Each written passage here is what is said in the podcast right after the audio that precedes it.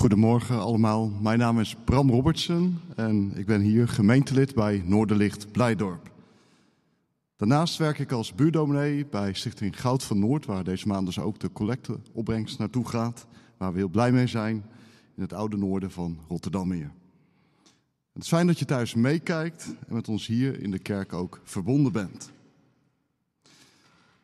Nou, het is bijna zover. We mogen weer onze stem uitbrengen. En in onze parlementaire democratie een hoogtepunt dat meestal eens, eens in de vier, vier jaar plaatsvindt. En nu, deze dagen, zijn alle schijnwerpers op de Tweede Kamer gericht.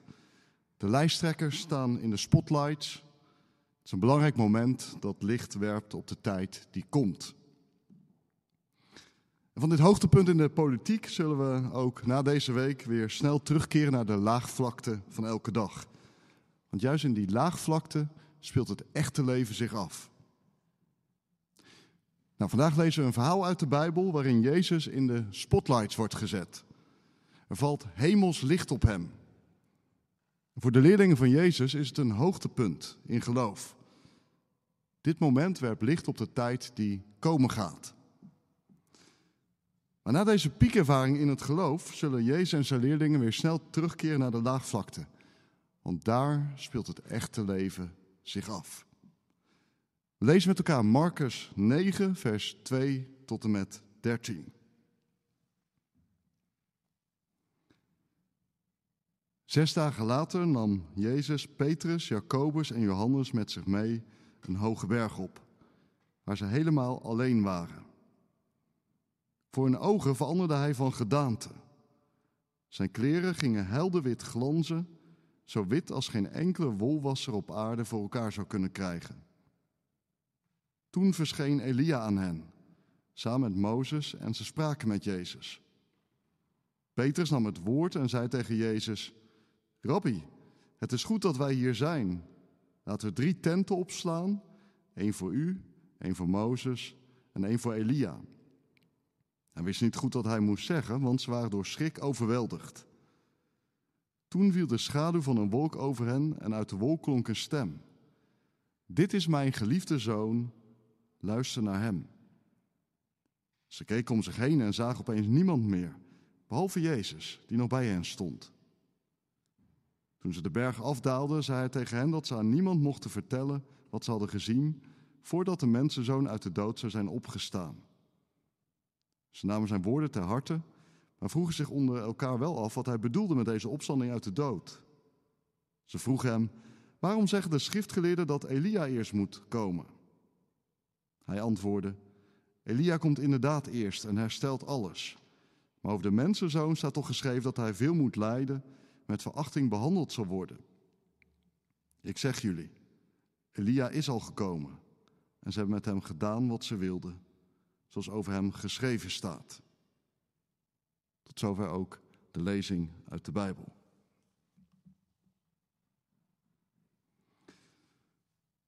Lieve mensen, soms roept een uh, filmpersonage herinneringen op aan een Bijbelverhaal.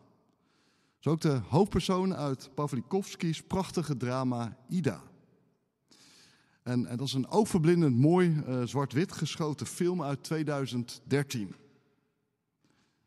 Ida is een jonge Poolse vrouw die aan het begin van de jaren 60 op het punt staat om non te worden. En dat diep religieuze leven achter die veilige muren van het klooster, dat, ja, dat bevalt haar uitstekend. De dagelijkse getijden en, en de stilte in het klooster helpen Ida in haar verlangen zich toe te wijden aan God. Maar net voordat ze haar gelofte wil afleggen, krijgt ze een moeilijke opdracht van de moeder overste. Wat hoort ze dan? Ze moet daar nog enige levende familielid opzoeken. dat blijkt dan niet zomaar iemand te zijn, maar dat is een tante met een verleden. Ja, Ida die daalt van die religieuze topervaring in het klooster naar de laagvlakte van het rauwe mensenbestaan.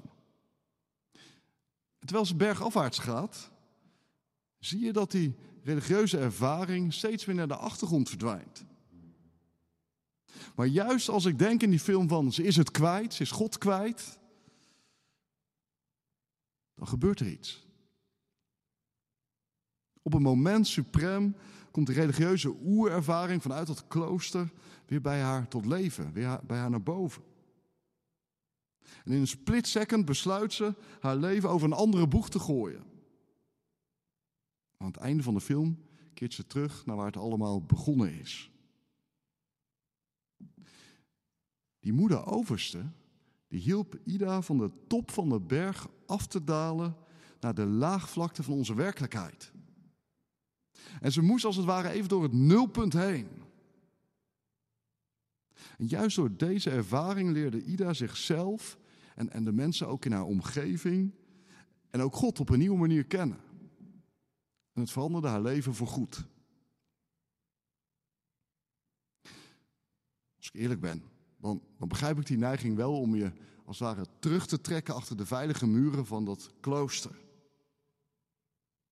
En, en iets ervan herken ik ook bij Petrus, Jacobus en Johannes. Want ze hebben een bijzondere ervaring daarboven op die berg. En ze zijn alle drie bij. Zeg maar de drie uit dat twaalftal, of uit, dat, uit die kernploeg van Jezus twaalftal. En heel bewust neemt Jezus ze mee op deze berg. Oh ja, er wordt trouwens nog met nadruk gezegd, een hoge berg. Dus dat is niet zomaar een plek, uh, maar je zou kunnen zeggen een plek waar de hemel de aarde raakt. Wat is nou typisch voor een berg? Dat die even boven het gewone uitstijgt. En dat je naar beneden kijkt als je boven op zo'n berg staat. En dat je het dal voor je ziet liggen. En dat die hemel wel even heel dichtbij lijkt. Dat je hem haast kunt aanraken voor je gevoel. En even toen ik las over die berg, dacht ik van... hé, hey, zou het misschien ook de berg zijn waar Jezus zijn bergreden hield? Of, of die berg waar, die hij opging om zich terug te trekken en te bidden? Nou, hoe dan ook, de berg is in de Bijbel een bijzondere plek. Een plek waar God van zich laat horen. Een plek waar God zich bekend maakt. Denk maar aan het Oude Testament, het eerste gedeelte van de Bijbel. Mozes op de berg Sinai. God maakte hem de tien woorden, de tien geboden bekend. Dat was een geweldig indrukwekkende gebeurtenis. Zoals God zich ook bekend maakte aan de profeet Elia op de berg Horeb. Zie je, die berg, die heeft iets bijzonders te betekenen in de Bijbel. En ook nu gebeurt er weer iets wat, dat een geweldige impact heeft. Jezus verandert van gedaante. Letterlijk er dat hij een metamorfose ondergaat. En, en je ziet zijn kleren veranderen naar, naar glanzend wit. En, en zelfs zo wit dat Marcus er ook nog bij vermeldt zo wit als geen enkele wolwasser op aarde voor elkaar zou kunnen krijgen. Ah, dit is witter dan wit. Oogverblindend witte kleding. En als je er naar kijkt, dan doet het pijn aan je ogen. Wit is niet zomaar een kleur in de Bijbel. Wit staat symbool voor zuiverheid en reinheid. En, en die witte kleding willen hier zeggen dat aan Jezus geen vlekje vuiligheid of onreinheid is ontdekken.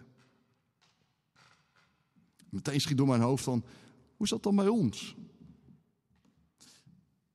Wij worden niet als een blanco blad geboren, toch?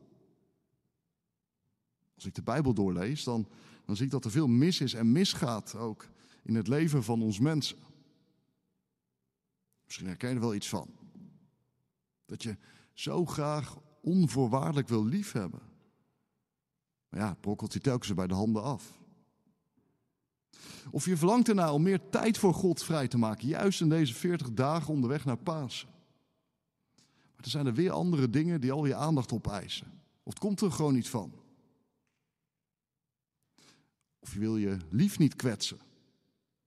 En dan toch vloept die gemene opmerking er weer uit.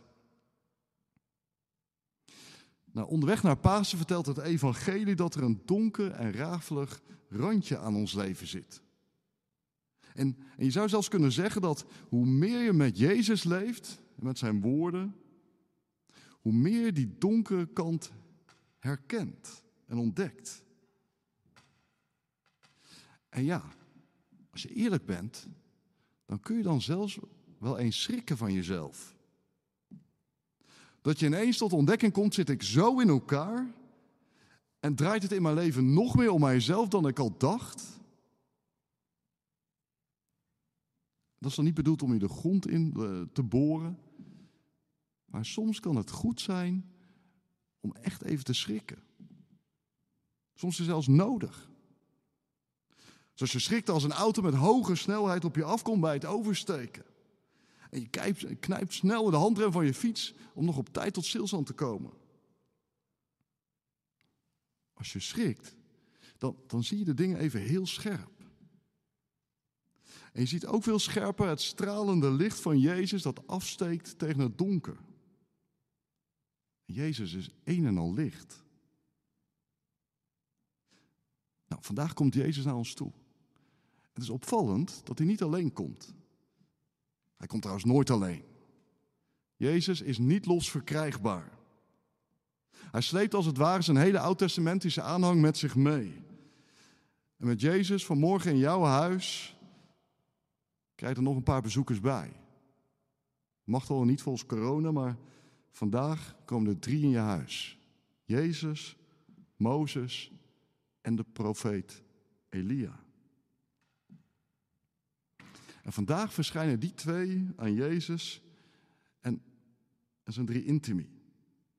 En op die berg staan ineens Mozes, de vertegenwoordiger van, van de Torah, de eerste vijf boeken van de Bijbel. En Elia, die de vertegenwoordiger is van de profeten in de Bijbel. En weet je wat nou zo opvallend is aan het leven van Jezus? Dat hij van jongs af aan altijd met Mozes en de profeten heeft geleefd. En nu, nu zijn, leid, zijn leidensweg aanvangt, stuurt God Mozes en Elia. Juist om Jezus te bemoedigen. Mozes en Elia, de Torah en de profeten. Met wie hij vanaf het begin heeft geleefd. Zij zullen ook met Jezus meegaan tot, tot in zijn graf. En zo raakt Jezus met Mozes en Elia in gesprek. Ik werd nieuwsgierig. Ik dacht van, hé, hey, waar zouden die drie het over hebben met elkaar? Ja, als we Marcus lezen, dan, dan komen we daar niet achter. Dat, dat blijft een geheim. Maar gelukkig, we hebben nog meer uh, evangelieschrijvers. Denk ook aan de evangelieschrijver Lucas. En die vertelt ons het geheim. Lucas die zegt dat Jezus, Mozes en Elia met elkaar praten over de weg van lijden en sterven van Jezus. Dus midden in dat stralend witte licht voeren Mozes en Elia een gesprek met Jezus over zijn leven en dood. Weet je wat ik nou zo mooi vind? Dat die uh, vijf boeken van Mozes, dat die boeken van de profeten, dat die hier in Jezus een gezicht krijgen. Je zou kunnen zeggen, in hem komen die boekrollen tot leven. Jezus is de Torah in levende lijven. Hij is de vervulling van al die boeken. Want, want hoe zat het ook alweer? Waar, waar draait dit om in die boeken in de Bijbel? Om God lief te hebben boven alles en de medemens als jezelf.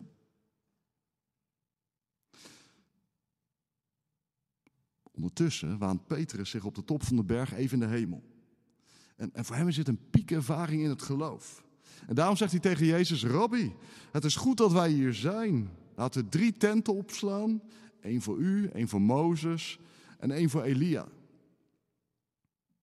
En ja, ik begrijp Petrus wel. Petrus die, die wil het hoogtepunt in geloof wil die vasthouden. En, en hij wil er een heilige plaats van maken. Vandaag de dag zouden we zeggen een soort Lourdes. Hij wil het heilige vastleggen.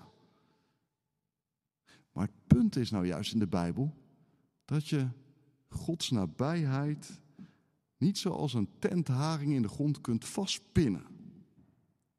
Het gebeurt je. Zoals het ons overkomt, als een woord van God of een, of een lied bij je binnenkomt. Daarvoor heeft de evangelie, ook, evangelie schrijver ook zijn woorden aan het papier toevertrouwd. Hij wil ons het verhaal intrekken, zodat we van toeschouwer deelnemer worden. Dat kan het ineens gebeuren. Dat je net als Petrus er niet om had gevraagd. Dat je er niet op had gerekend. Maar dat in de kracht van de Heilige Geest God bij je binnenbreekt. Soms bij een heftige gebeurtenis in je leven. Dat daar midden in een moeilijke situatie ineens een kostbaar moment is om nooit te vergeten. Dat daar een woord klinkt dat, dat ruimte maakt. Een woord dat het houdt, zelfs in de dood. Een woord van God zelf. En ik kan me heel goed voorstellen dat je zo'n moment, als je dat ervaart, dat je dat wil vasthouden. En dat je dat bij je wil houden. Dat je dat opnieuw wil, wil ervaren. Want dat is nou zo'n topervaring in het geloof. Alsof je even met Jezus alleen op de berg bent. Je kunt dat hebben bij bijvoorbeeld de Alpha-cursus. Ik heb wel eens verhalen gehoord van deelnemers. Dat, dat er een hele nieuwe wereld voor ze open ging. En dat je geraakt werd. Dat voelt als een hoogtepunt in het geloof. Alsof je eerst met elkaar een hoge berg beklimt en dan op die bergtop een bijzondere ervaring hebt. Dat moment, dat wil je toch graag vasthouden? Dan gebeurt er iets. Ineens is daar de schaduw van een wolk die over Petrus, Jacobus en Johannes heen valt. Die zou zo graag die ervaring in het geloof willen vasthouden. En, en het liefst zet je er een tent omheen. Maar het ontglipt je. Die wolk maakt alles anders. Dat is nu één of twee jaar later. En die bijzondere ervaring op de Alpha-cursus, die, die is langzaam maar zeker naar de achtergrond verdwenen. En, en je zou er heel graag naartoe terug willen. Maar je kunt er niet meer bij. Dat hoogtepunt in je geloof van toen is nu in nevelen gehuld. En, en het lijkt alsof, alsof God langzaam maar zeker uit beeld verdwijnt. Nou, in het Bijbelverhaal staat die wolk daarboven op die berg uh, symbool voor Gods verhullende aanwezigheid. En weet je wat ik nou zo bemoedigend vind? Dat je die wolk vaker tegenkomt in de Bijbel. Ook al in de eerste boeken van de Bijbel. Helemaal aan het begin. In het boek Exodus bijvoorbeeld, daar horen we dat een wolk de pas afgebouwde tent van God vervult. En, en tijdens de reis door de woestijn van het volk Israël was er overdag steeds weer een wolk die voor het volk vooruitging en hen de weg wees. Als teken van Gods verborgen aanwezigheid. Oh ja, en, en als we even voor, voorbij Pasen kijken, na de opstanding van Jezus uit de dood, als hij naar de hemel gaat, dan is er weer een wolk. En ook daar is de boodschap van die wolk dat God, dat Jezus verborgen aanwezig is. Ik herinner me een uitspraak van een oudere Rotterdamse collega, waar ik vroeger kerkte. En die uitspraak ben ik nooit vergeten. En hij zei wel eens, als er een wolkendek boven Rotterdam hing, dan, dan keek hij naar boven en dan zei hij, vandaag hangt de hemel weer laag boven Rotterdam. Nou, in, de, in dit Bijbelverhaal hangt de hemel zo laag dat hij zelfs de bergtop raakt. En dan klinkt een stem uit de wolk. Oh ja, dat gebeurt trouwens vaak in dat evangelie van Marcus. Helemaal aan het begin, eerder, bij de doop van Jezus in de Jordaan. Daar horen we diezelfde stem die zegt, dit is mijn geliefde zoon, luister naar hem.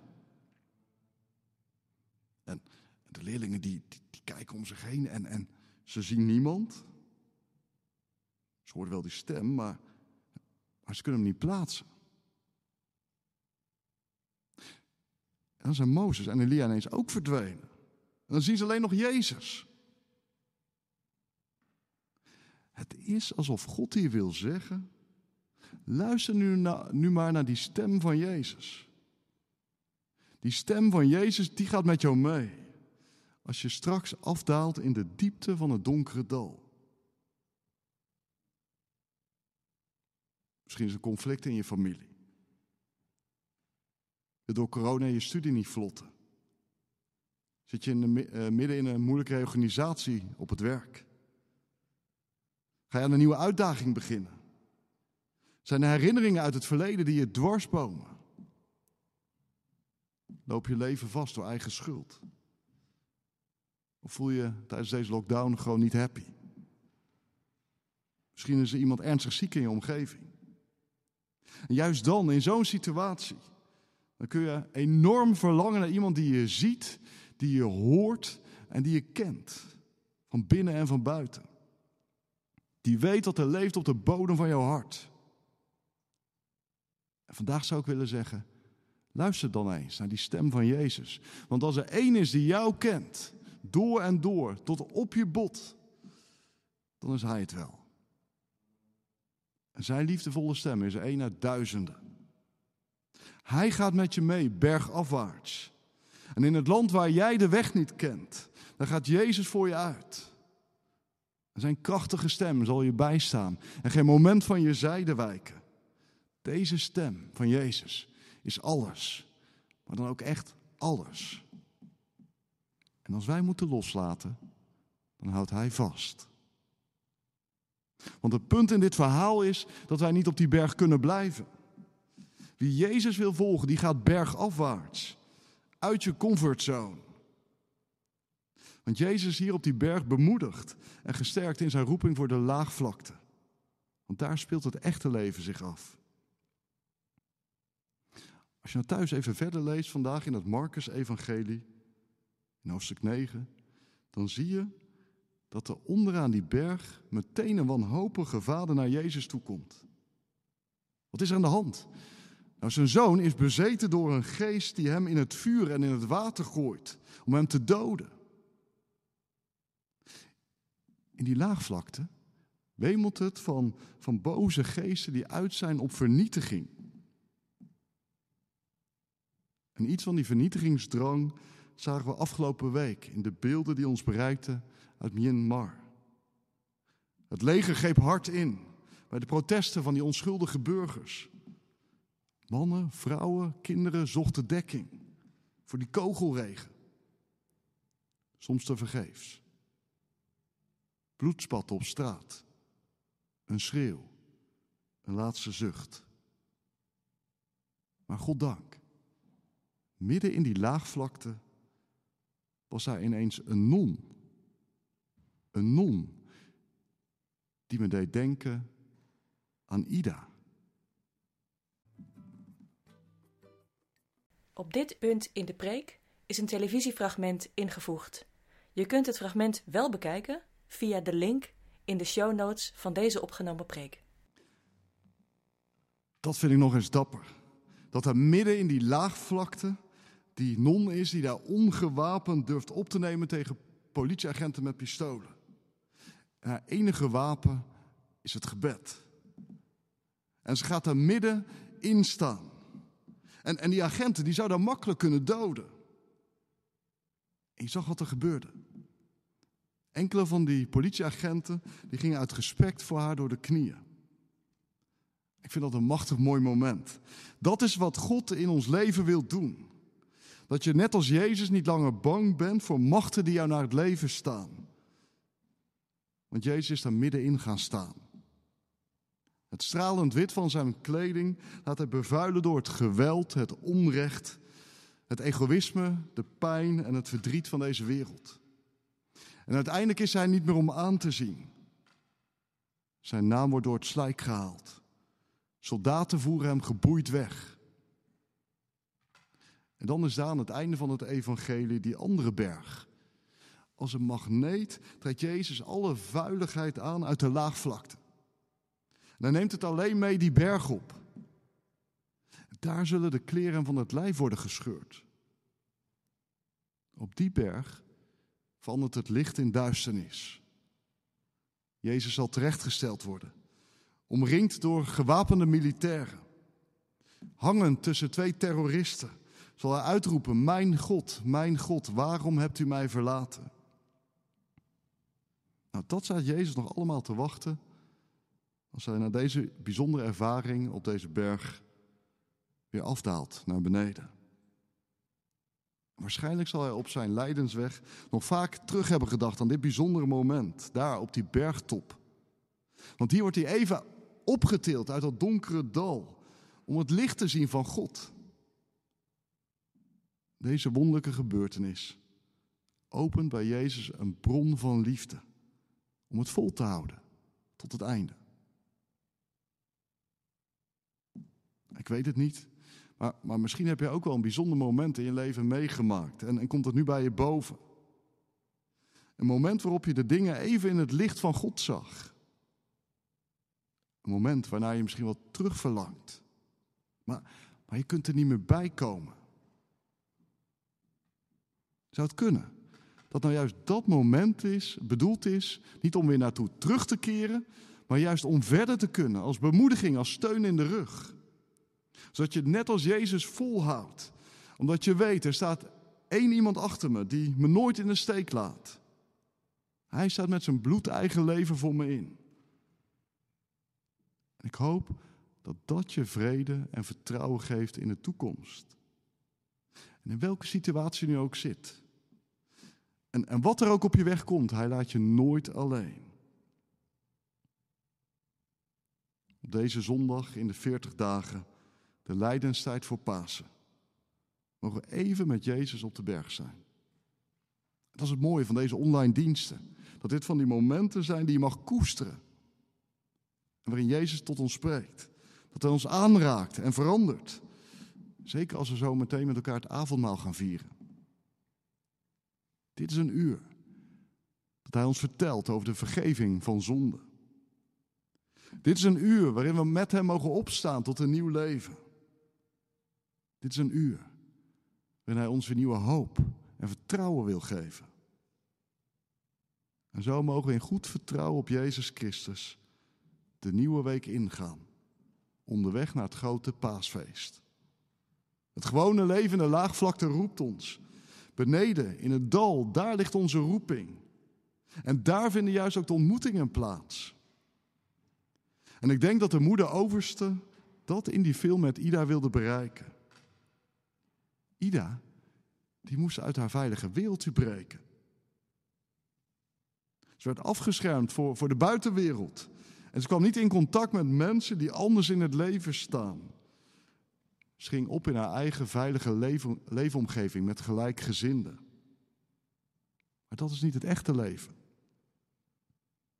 Jezus Christus volgen betekent dat je niet op de bergtop blijft zitten, in je comfortabele wereldje met je vrienden, hoe leuk en goed dat op zich ook is.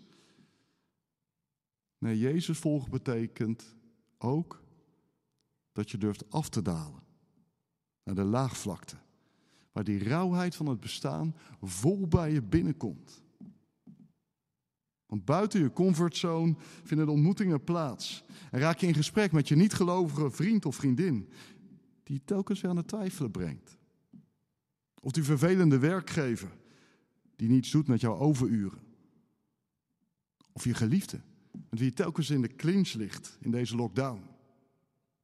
Het thuiswerken eist een tol en je weet niet hoe je weer uit het dal komt. Maar juist in de diepte van het dal mogen de ervaringen van de bergtop koesteren. Daar mogen we terugdenken aan wat God heeft gedaan. Wat een geweldige opdracht is het om elkaar die mooie momenten in het leven te laten ontdekken. En vandaag is er zo'n moment om te koesteren. Jezus komt even heel dichtbij. En hij komt zo intens dichtbij dat je zelfs zijn liefdevolle aanwezigheid kunt proeven in brood en wijn. In het avondmaal mogen we ervaren dat er op de berg iets doorslaggevends is gebeurd tussen Jezus en ons. En dat pakt niemand, maar dan ook echt niemand van ons af. Wat er ook gebeurt. En dat bedoelen we met genade. Dat ik even boven mezelf word uitgetild.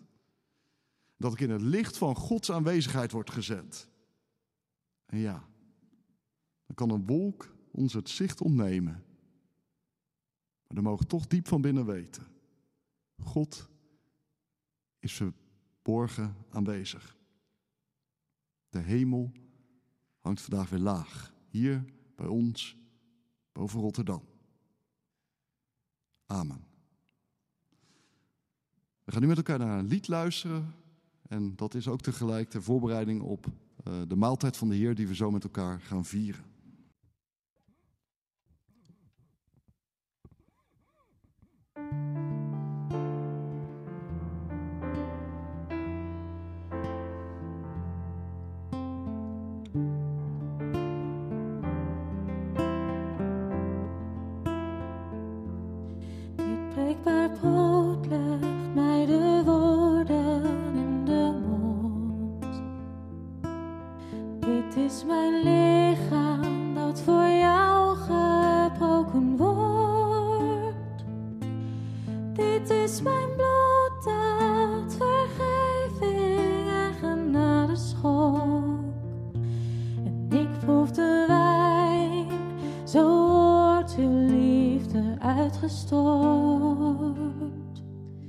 Dit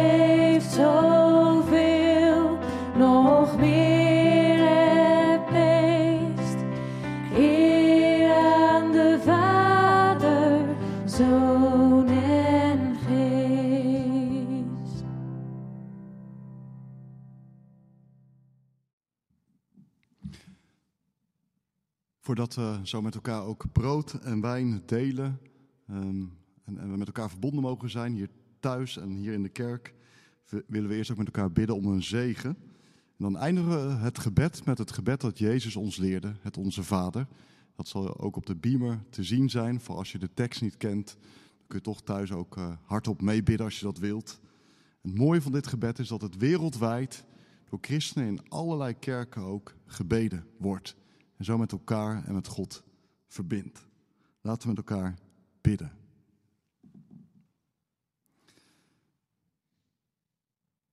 Heer onze God, eeuwig trouwe.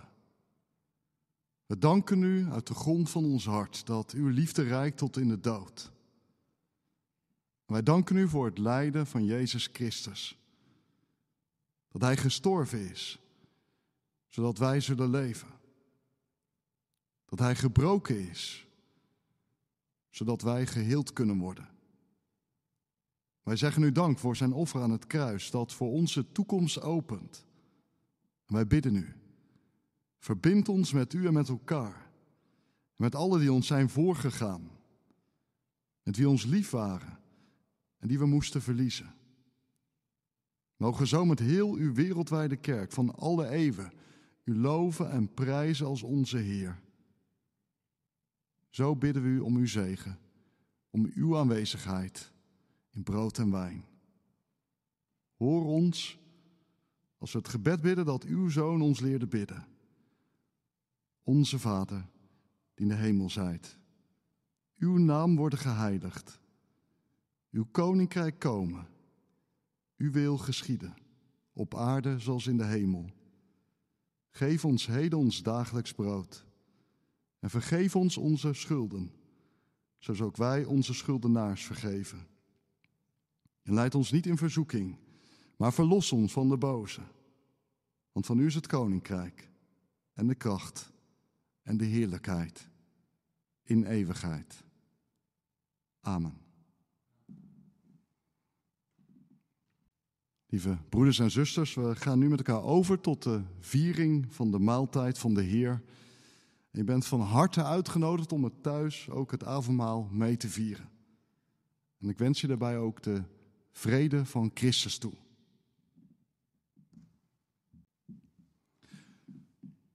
Het brood dat wij breken is de diepe verbondenheid met het lichaam van Christus.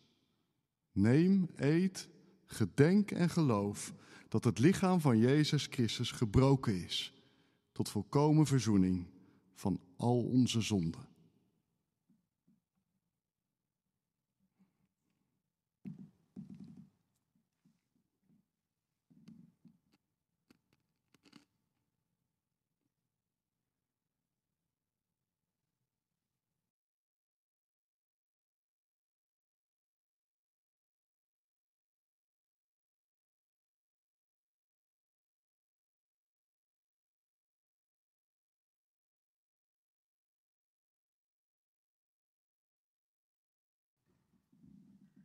De wijn die we drinken is de diepe verbondenheid met het vergrote bloed van Jezus Christus.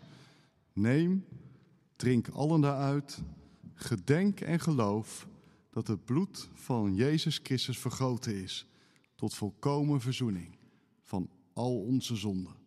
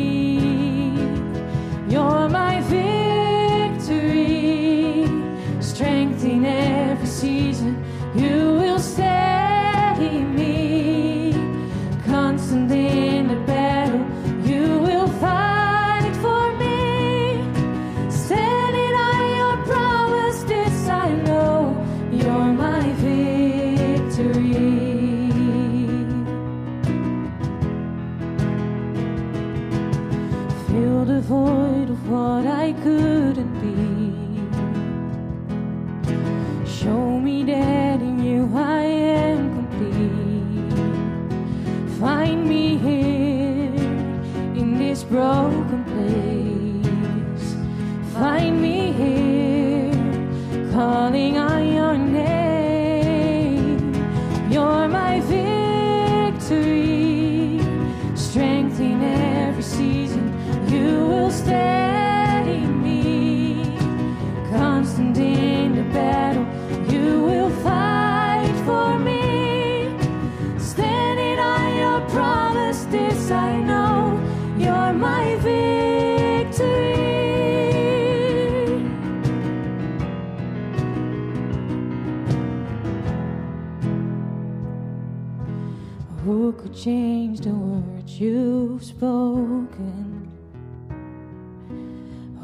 would ever stand against your name?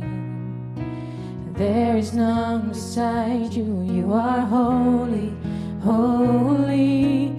Who could ever stand against your name? Who could change the words you spoke? Who could ever stand against your name?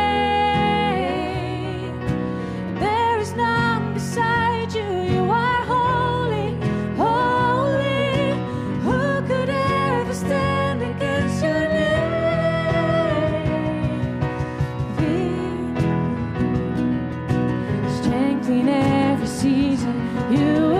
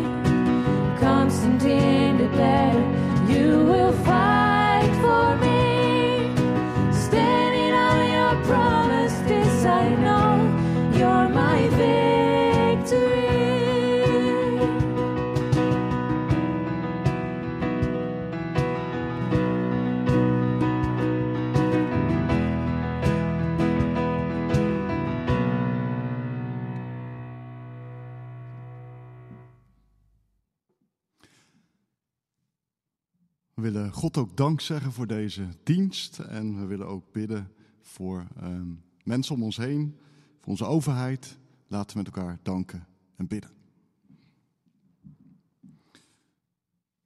Goede God, onze Vader in de hemel, we danken u voor het offer van uw liefde dat Jezus heeft gebracht.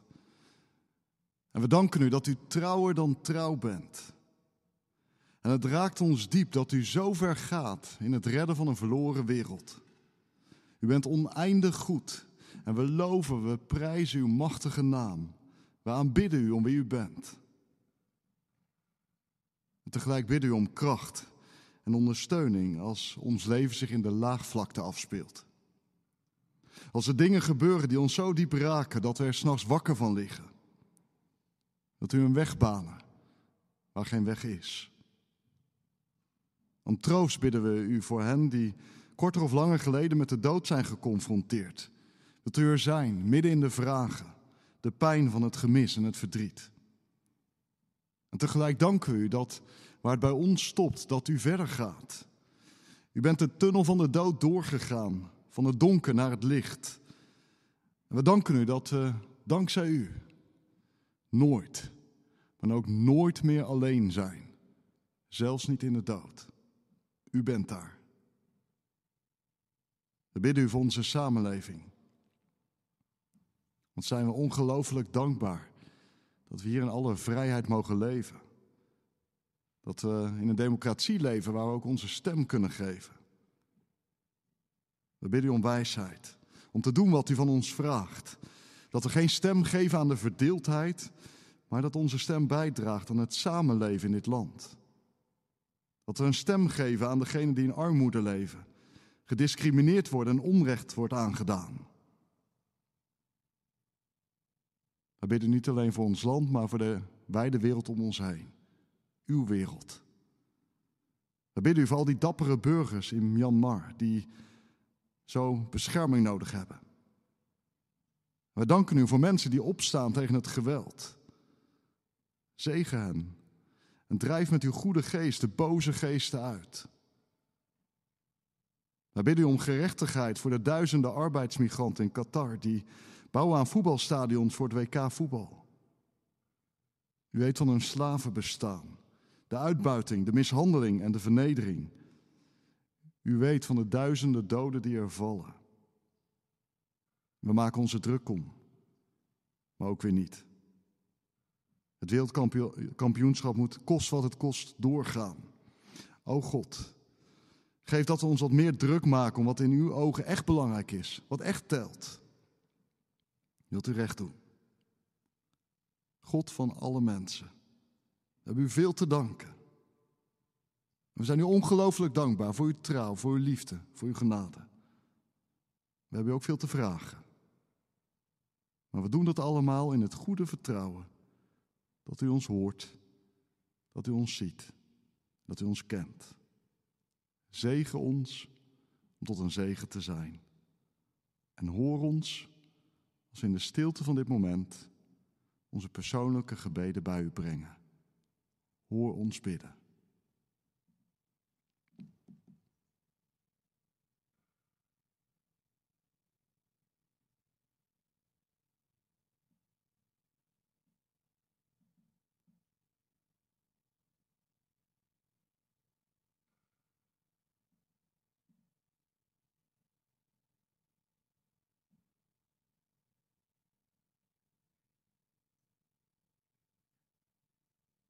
Hoor ons bidden.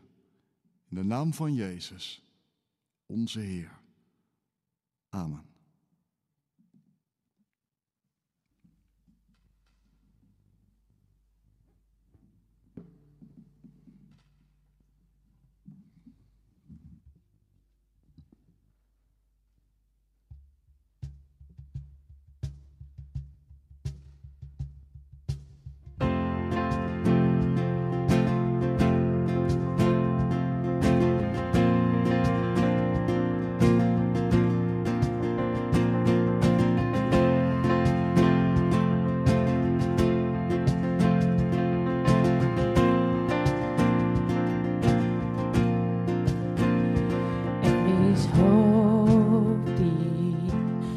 groter dan de dood is, er is leven, sterker dan het sterven. Er is licht dat niemand ooit kan doven, er is liefde die nooit teleur zal stellen.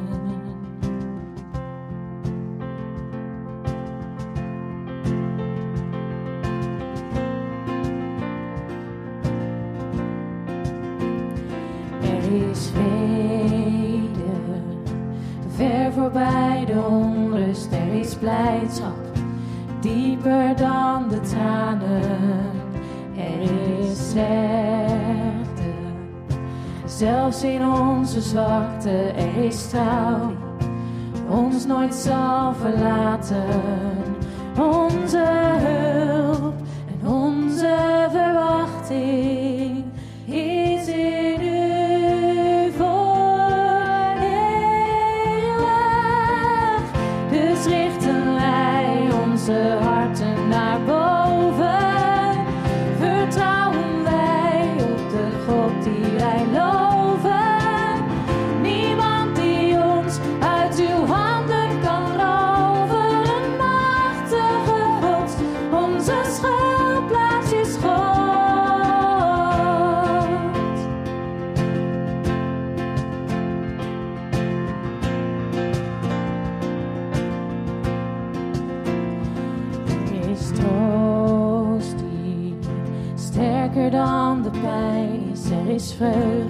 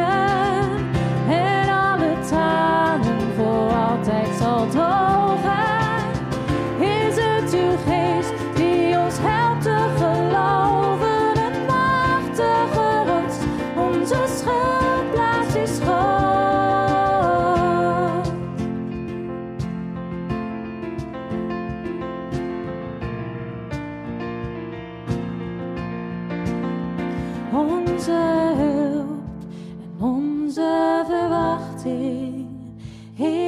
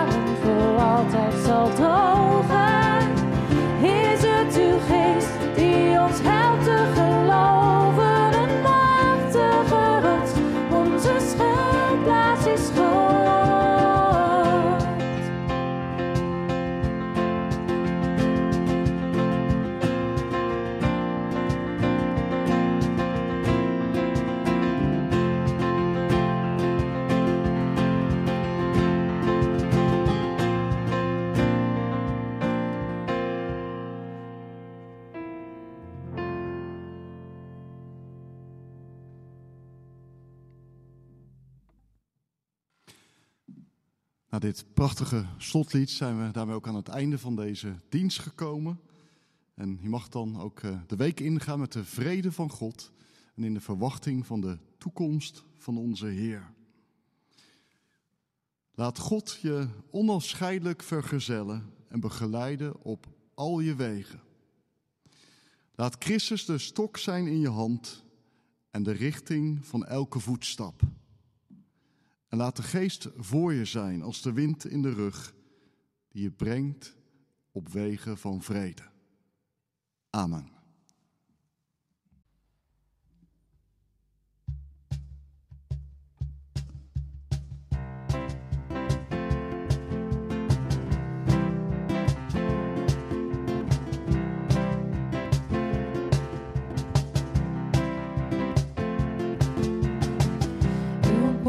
soms zo onverwacht als een vuur dat in ons brandt.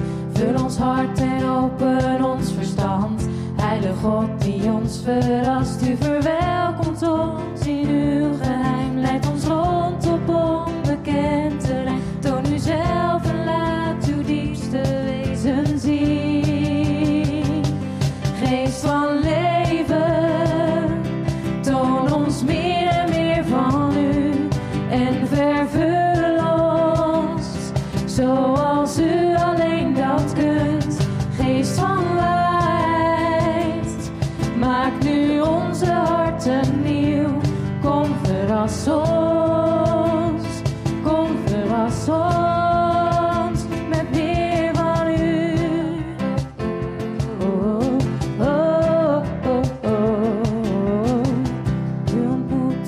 soms zo ongemerkt. In ons wachten bent u aan het werk. En wij durven u te vragen, Heer. Openbaar u zelf steeds meer. U verwelkomt ons in uw domein. Om in uw aanwezigheid te zijn. Om uw macht en majesteit opnieuw te zien.